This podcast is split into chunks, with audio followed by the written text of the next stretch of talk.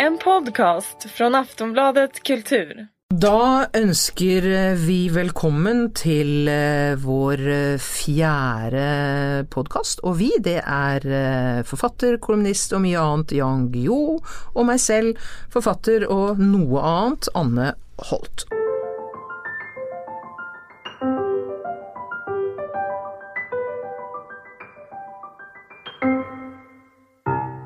I dag har jeg lyst til å åpne med et spørsmål.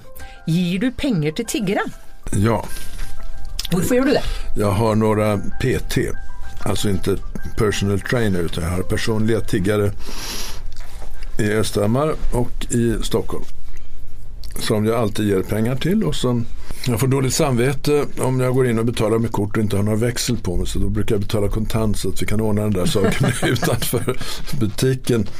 For å si sånn, jeg pleier også å gi til tiggere. Jeg pleier faktisk alltid å gi til tiggere hvis jeg har cash på meg. Nå lever vi jo i litt sånn cash-fritt Ja, samfunn. det er det som er problemet. Det er det som er problemet. Men, men, men jeg får jo en del kritikk, og jeg får en del kritikk fra mennesker som, eh, som absolutt mener Altså som har den samme empatiske innstilling til eh, vanskeligstilte mennesker som det jeg håper jeg selv gir uttrykk for, men eh, som angriper meg fordi at jeg bidrar til å opprettholde et system som er beklagelig.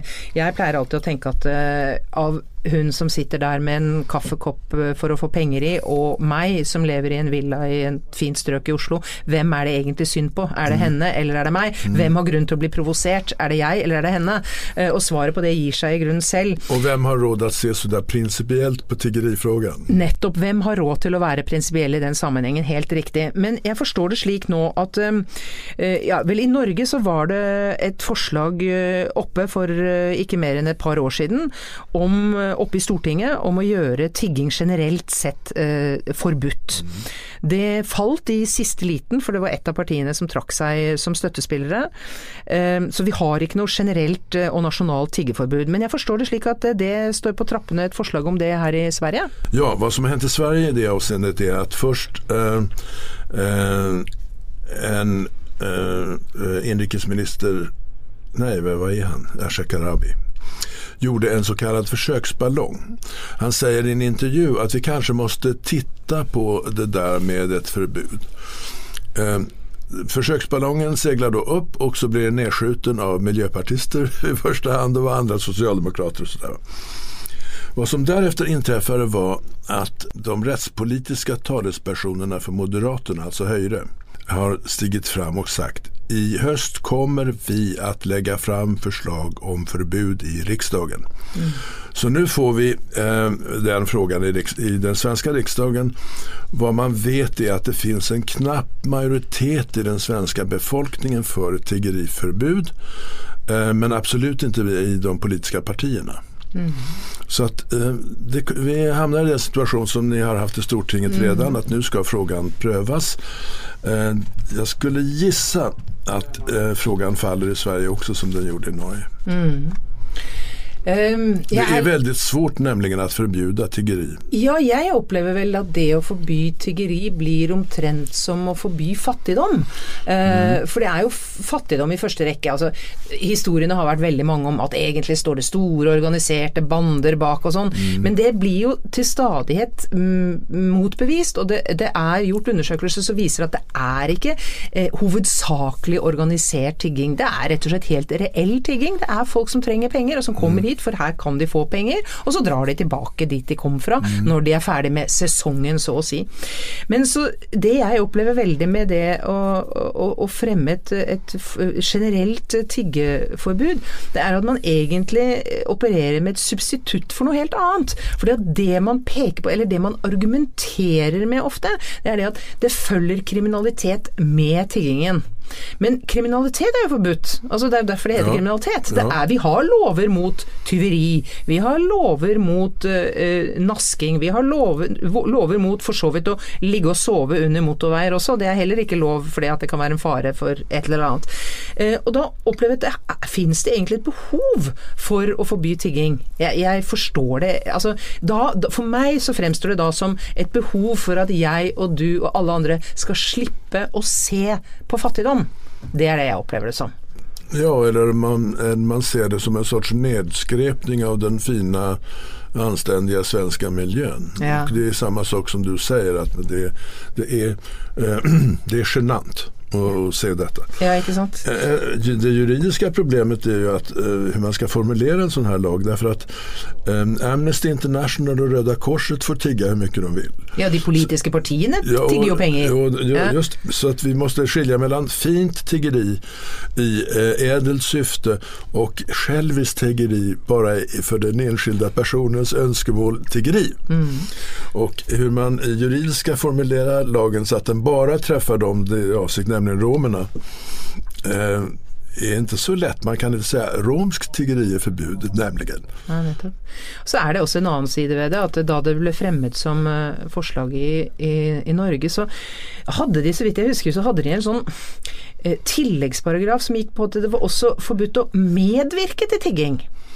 Og så hadde man laget en tekst da, som, som skulle definere hva medvirkning var. Ja, men det er att penger. Og det er f.eks. å gi penger. sånn at Det ble da forbudt å gi penger. Ja. Og, og da kommer du jo også opp i grenseland. Er det da forbudt å gi til Amnesty f.eks. Mm. penger? Ja, det er fint. Eh, men alltså, jo, men man kom ned til det absurde at det var faktisk Vi var i ferd med å få en lov som forbød å vise hjertelag. Fordi at hvis du f.eks. tok inn en tigger til deg selv, som faktisk en god del nordmenn gjør, og sikkert mange svensker også, som av ren godhjertethet plukker opp tiggere på gata og sier du kan komme hjem til meg, du kan ta en dusj, du kan få en ren seng en natt, ikke sant. Det er jo faktisk en del mennesker som gjør det. For å være helt ærlig, Han, det syns jeg er snilt. Jeg syns det er veldig snilt. Jeg har aldri gjort det. Jeg har aldri bedt en tigger med meg hjem for at vedkommende skal få en dusj, og det er sikkert helt vidunderlig for dem når noen en sjelden gang gjør det. Og da var vi altså i ferd med å utvikle noe som kunne gjøre dette straffbart.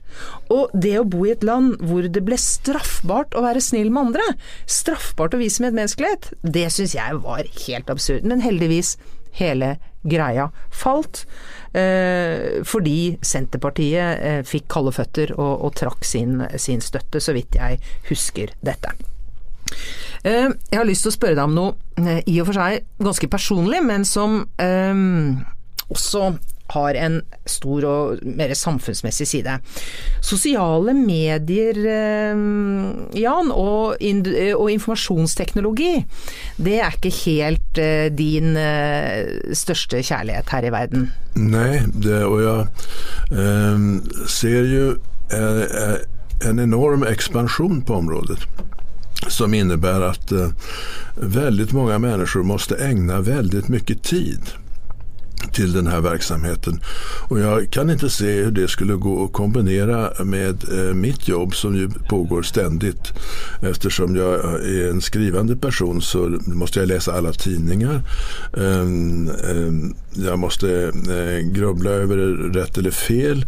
Och om jag samtidigt skulle ha på Twitter eller sånt där så uh, förstår jag inte hur det eh, skulle fungera. Så eh, för mig är det framför allt eh, tidsaspekten som gör att jag inte deltar i det där. Men eh, jeg synes, altså internett Jeg forstår ikke hvordan forfattere klarte å skrive bøker i gamle dager jeg, når de ikke hadde internett. Jeg må si at jeg bruker internett. Jeg er sikkert på internett tre-fire timer om dagen når jeg er på det mitt mest aktive med skrivingen. Rett og slett fordi jeg sjekker ting der. Henter mye interessant stoff der osv. Eh, når det gjelder sosiale medier, så Men vänta nu, det, det gör jag också fast inte, säkert inte i samma Nei, men du gjør det, ikke sant? Oh ja, altså, det er fantastisk at att henter opp enskilde detaljer. Større sammanhang kan man ikke Mm. Nei, eh, men man kan finne artikler der som er, eh, gir mye større sammenhenger. Altså, jeg, når jeg skulle skrive 'Brobyggerne' Ja. eh, och så ska jag börja 1901 och her här kommer nu eh, byggandet av Bergensbanen att ha eh, väldigt väsentlig eh, innebörd i berättelsen. Eh, om jag googlar Bergensband så kommer det en massa turistbroschyrer Mm. som inte ger mig någonting. Jeg. Utan researchen här må, måste gå till på det utomordentligt gammalmodiga sättet att jag åker upp till Finse, högst upp på Hardangervidda där det finns ett rallarmuseum. För jag vet Og det er ikke stort det rallarmuseet, Det är stort sett to rom og noen gamle arbeidsklær. Ja, jo då. Och, men jag vet att vid kassan så kommer de böcker på norska som handlar om Bergensbanen att finnas. Så jag går dit och frågar, kan jag betala mitt Visakort? Jo då, det går alldeles utmärkt. Och sen är researchen gjord. Det hade varit omöjligt att göra detta på nätet. Det er klart, så nettet kan aldri komme istedenfor for Men bra bøker. enskilda detaljer. Ja. Det er det absolutt. Men uh, jeg, jeg, er jo av og til på sosiale medier i den forstand at jeg har en konto på Twitter som jeg går litt ut og inn av. Og folk spør meg hvorfor går du ut og inn av det, hvorfor er du ikke der hele tiden? Jeg kan ta, nå, Her i vinter så tok jeg et halvt års pause. Uh, og nå har, nå har jeg slettet den igjen, så nå, nå tar jeg meg en lengre pause. Det er to ting som jeg syns er det viktigste med det. Eh, det ene det er som du sier tid. Det kan være mm. ekstremt tidskonsumerende mm. når du blir fanget av de diskusjonene som er på sosiale medier.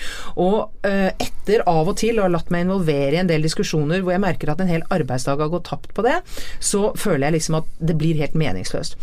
Eh, det andre det er at du beveger deg samtidig inn i en sone hvor du må ha ganske sterk rustning for å tåle all skiten. fordi at det du gjør, det er jo at du går ut i lyset. Du går ut, og så kan en masse anonyme personer fortelle deg nøyaktig hvor David kjøpte ølet. Og det kan også være litt slitsomt. Det er jo sånn, Man må aldri google sitt eget navn. ikke sant? Jeg kjenner jo mange forfattere som til stadighet googler sitt eget navn. Ja, og så spør jeg, Når du googler, hvor mange, hvor mange, treff får du opp da? Så sier de at jeg har ikke googlet mitt eget navn på mange, mange mange år. For det er jo da du også ser all skiten som skrives ja. om deg, og det kommer det aldri noe godt av å lese. Det må man bare, bare prøve å unngå. Så, eh, så, det er absolutt gode grunner til å holde seg unna det. Når det gjelder Facebook, så syns jeg rett og slett at det er ganske latterlig at det er jo en masse mennesker som driver og stager sitt eget liv for, for, hvordan det skal se ut mm. uh, overfor alle andre, og det finner jeg ganske uinteressant. Men det som er det positive med de sosiale mediene, er jo nettopp all den hjelpen du kan få, all den researchen du kan drive, og mm. ikke minst all den informasjonen du kan finne som du ikke hadde, blitt, ikke hadde vært i stand til å finne ellers. Jeg må si at jeg har blitt veldig beriket gjennom i hvert fall Twitter. Facebook er jeg ikke på, bortsett fra at jeg har en konto som jeg lar stå ubrukt. Og hvorfor har jeg den kontoen? Hey, I'm Ryan Reynolds. Recently, I asked Mint Mobile's legal team if big wireless companies are allowed to raise prices due to inflation. They said yes. And then when I asked if raising prices technically violates those onerous two-year contracts, they said, "What the f*** are you talking about? You insane Hollywood ass." So to recap, we're cutting the price of Mint Unlimited from $30 a month to just $15 a month. Give it a try at mintmobile.com slash switch. $45 up front for three months plus taxes and fees. Promoting for new customers for limited time. Unlimited more than 40 gigabytes per month. Slows. Full terms at mintmobile.com. Jo, fordi at da kan jeg se andres ting på Facebook, og det føler jeg at rett og slett av og til er helt nødvendig. Fordi at vi har fått en virkelighet hvor så store deler av den offentlige eh, debatten foregår på noe som faktisk er et privateid firma. Bare mm. smak på det. Vi er villige til å la den offentlige debatten gå på et privateid firma som, eh, eh, som, Facebook. Facebook er ikke staten. Facebook er ikke, eh, er ikke regulert gjennom lovgivning. Facebook er rett og slett en bedrift som vi lar overta eller, Og det er jo Twitter og Instagram og alle disse her. Vi lar alle våre følelser, alle, all kunnskapen om oss selv, alt vi vil berette om oss selv, rett inn på det. Det er jo et, ut fra et overvåkingsperspektiv ganske skremmende. Ja, og som dessuten regleres av eh, en i høy grad amerikansk kristen moral, eller hva vi skal kalle det for, som jo ikke alltid overensstemmer med oss. En, en kollega til oss, mm -hmm. Jonas Gardell, er tydeligvis tydligen veldig aktiv på eh, de her mediene, Twitter. Mm. Han skrev på, eh, om det nå var Twitter eller Facebook. Ja, Facebook tror jeg. Facebook. Det er, ja, Facebook. Eh, Eh, apropå de här förfärliga bilderna här om månaden när man ser franska poliser gå fram till en kvinna på badstranden i Nice och under vapenhot tvinga henne att klä av sig. Alltså det är fruktansvärt. Det, det är så. I Iran har, har de poliser också som ska klä på kvinnorna men i Frankrike ska ha poliser som ska klä av kvinnorna. Det är så absurd att det, man vet inte om man ska le eller gråta. Då skrev en, eh, Jonas Gardell ungefär följande Män tvingar under vapenhot kvinnor att klä på sig eller män tvingar kvinnor under vapenhot att klä av sig.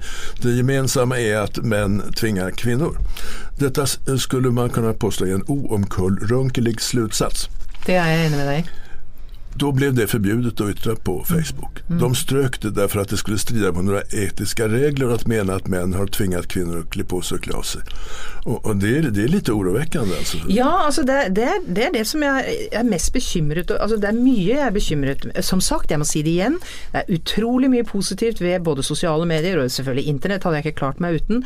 Men det er noe med at vi driver og leverer oss selv inn i noe som jeg tror vi ikke helt ser konsekvensen av.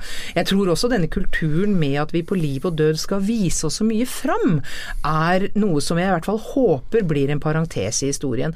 Jeg tror rett og slett ikke menneskene har godt av å eksponere så mye av seg selv. Jeg tror vi har mest godt av å å leve som på en måte ringer i vann. Altså det skal være noen som skal vite veldig mye om meg, så er det noen som skal vite litt om meg, og så er det faktisk en stor offentlighet der ute som helst ikke skal vite noe annet om meg enn det jeg selv ønsker å fortelle i offentlige debatter. Mens gjennom Facebook så driver jo både, ja, Barn har jo ikke lov å være der, men de er der jo likevel. De, de driver og forteller om livet sitt i så inngående detalj at jeg er ganske bekymret for hvordan vil de oppleve det når de blir 30? Hvordan vil Ja, 16-åringene oppleve at det står så mye på nett om dem når de blir 30 år og får barn Det påminner om tatovering. tatuering. Ja, tenk, tänk unga kvinnor som tatoverer seg, og det jævligste. Mm. Uh, det syns de er kul just nu men uh, om 20 år så er det inte Da er det kanskje ikke like kult. En, Nei, en ja. sak dock, alltså eh, min, min teori er at om det sägs något väsentligt eh, som berör mig där ute på nätet, då kommer ju det i tidningen. Det er helt riktig. Eh, all skiten eh, kan, eh, kan, är det bara skönt att slippa. För att jag, jag får den ändå på mejlen när varje gång jag skriver en kolumn i et emne som, der Sverigedemokrater har anledning å ytre seg. I synnerhet om jag skriver om dem. Då kommer det eh, senast å- 800 mail och eh, det är alltså den skiten som flyter omkring där ute. Och den kommer vanligtvis inte in i tidningen därför att den inte är tillräckligt viktig. Men skulle någon säga något viktigt eller något kontroversiellt eller något intressant så kommer det i tidningen och då fångar jag upp det. Ja, nettopp. Og så er det jo også slik at eh, av og til så får jeg inntrykk av at eh, redaksjonene har egne folk som sitter og bare lese Twitter og Facebook, fordi at eh, i de periodene hvor jeg ja, ja, ja. Når, når jeg, de, de, de periodene hvor jeg har vært som mest aktiv på Twitter, så har jeg fått to til tre telefoner per uke, eh, sekunder etter at jeg har tvitret noe om en aktuell sak, Mm. om hva mener du med det? Eh, og når jeg forsøker å, å si det at ja, f.eks. blir invitert til en debatt om det samme temaet, så sier jeg det at nei, jeg mener ikke så kraftig om det at jeg har interesse av å stille opp til en debatt. Jeg føler ikke at jeg. Jo, men du har jo uttalt deg på Twitter, sier de. Så det er litt forskjell på å skrive en 140 tegns melding på Twitter om en sak, og delta i en TV-debatt på tre kvarter om samme saken. Jeg har i hvert fall en litt annen terskel for det ene for det andre. Og det er også en av de tingene som som på en måte eh, kan fange en veldig av i disse sosiale mediene, det er at journalister sitter nettopp og fanger opp hver eneste gang du skriver. Og det er klart det blir mye å fange opp, særlig for dem som eh, driver mye og tvitrer og skriver på Facebook i helgene, og gjerne litt sent på kveldene i helgene. Der kommer det en del godbiter, og der har jo faktisk en del av den, hva skal man kalle det, hvis jeg skal være veldig snill, så vil jeg kalle det den intellektuelle ytre høyresiden i Norge. Der har man hatt et par saftige eksempler på eh, Facebook-innlegg som helst ikke burde vært lagt ut klokken ett om natten mellom fredag og lørdag, og som vel eh, avsenderen har eh, angret litt på. Det har noe med at noen hemninger i forhold til f.eks. reinspikka rasisme har en tendens til å legge seg vekk sånn utpå kvelden på fredagskvelden. Mm, Det var i den meningen bedre på den tiden man skulle skrive eh, brev på skrivmaskin. Man leser noe i tidningen, man blir rasende. Man setter seg ned, og så skriver man et idiotisk motinnlegg og legger det på eh, skrivbordet för att posta nästa dag. Nästa dag så kommer man eh, eh, nykter och, eh, annars, och läser skiten man skrev och postade inte. Alltså det fanns en broms förr i världen. Med Det var rett og slett en angreknapp før i tiden. Nå fins Nå ikke den utan angreknappen lenger. så har man sagt sina dumheter. Helt klart, altså. Så sånn sett så kan det være, være ganske skummelt. Og det er også noe med at eh, 200, det, jeg, det jeg har erfart på Twitter, er at det, når du spissformulerer deg på 140 000 tegn, så er det noen temaer du bare må holde deg ekstremt langt unna. For det er, for eksempel så må du holde deg unna alt som har med sånne sykdommer som leger ikke helt anerkjenner som sykdommer. Det, Ja. Du må aldri si noe om det.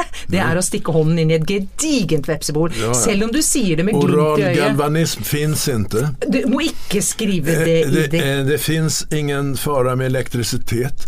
De som skal avelektrifiera sine hus utsatte for bedregeri og betaler penger til noe som ikke eksisterer. Sånt må du ikke si. Nei. Så det er noen temaer som du må unngå. Og jeg har gjort den tabben at jeg av og til, eh, mest i spøk, Skjemt, altså. Ja, mest i skjemt. eh, har skrevet Jeg, jeg husker f.eks. at jeg hadde en som kostet meg dyrt når det gjelder utskjelling etterpå.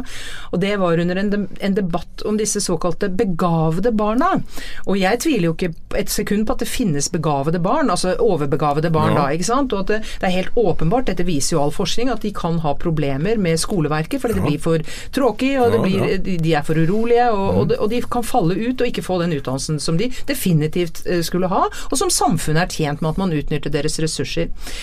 Samtidig så er det jo sånn at vi har jo alle en tendens til å tro at våre egne barn er svært begavet, ikke sant. Og så kom jeg til i forbindelse med en sånn debatt hvor det var foreldre som tok barna sine ut av skolen og sendte dem til Danmark og sånne ting som jeg kanskje ikke tror er så lurt. Da. Jeg tror kanskje at barn har godt av å gå og møte folk som kanskje ikke er så begavet, ikke sant. Jeg, jeg, jeg ønsker jo ideelt Så ser verden ut, så det er like bra å venne ikke seg. sant? Ja. Nettopp. Og, og det er noe med at eh, jeg opplever at skolen, den vanlige offentlige skoleverket, skal ta vare på alle barn. Også de begavede barna, og de skal få utfordringer. Eh, Jeg tror kanskje det er en veldig dårlig idé å lage egne skoler for dem. Men jeg skrev da eh, nesten som en, en vits, på en måte. Så skrev jeg liksom alle disse begavede barna på to år, hvor ble det av dem her i verden? Og det ble jo et spetakkel uten like. Ja, men det är det vi säger, det här tar för mycket tid. Ja, det är akkurat det det det är. Mm. för enkelt och för pladdrigt och att om man ska begränsa sig till 140 tecken så kommer man inte att kunna nyansera sig särskilt utan eh, man bara utlöser en Mm. våg av pladder.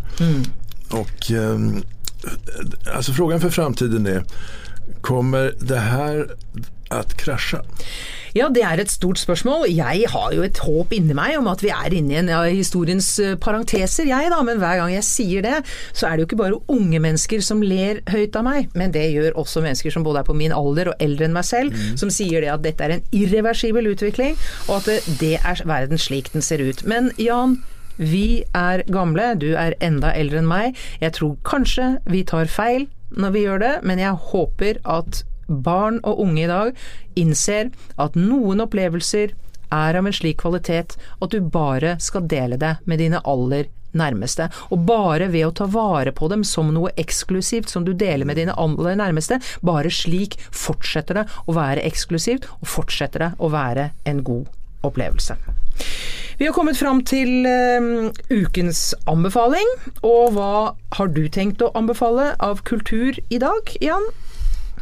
Eh, en eh, av mina politiska motståndare i Sverige som heter Elisabeth Åsbrink har skrivit en, en bok som jag ännu inte har läst men jag blev väldigt nyfiken på den. Ja, hvorfor det? Den handlar om året 1947. Vi befinner oss alltså efter andra världskriget när världen ska börja om på nytt. Vart ska vi då ta vägen? Eh, Finns det några val? Hade det kunnat gå på ett annat sätt?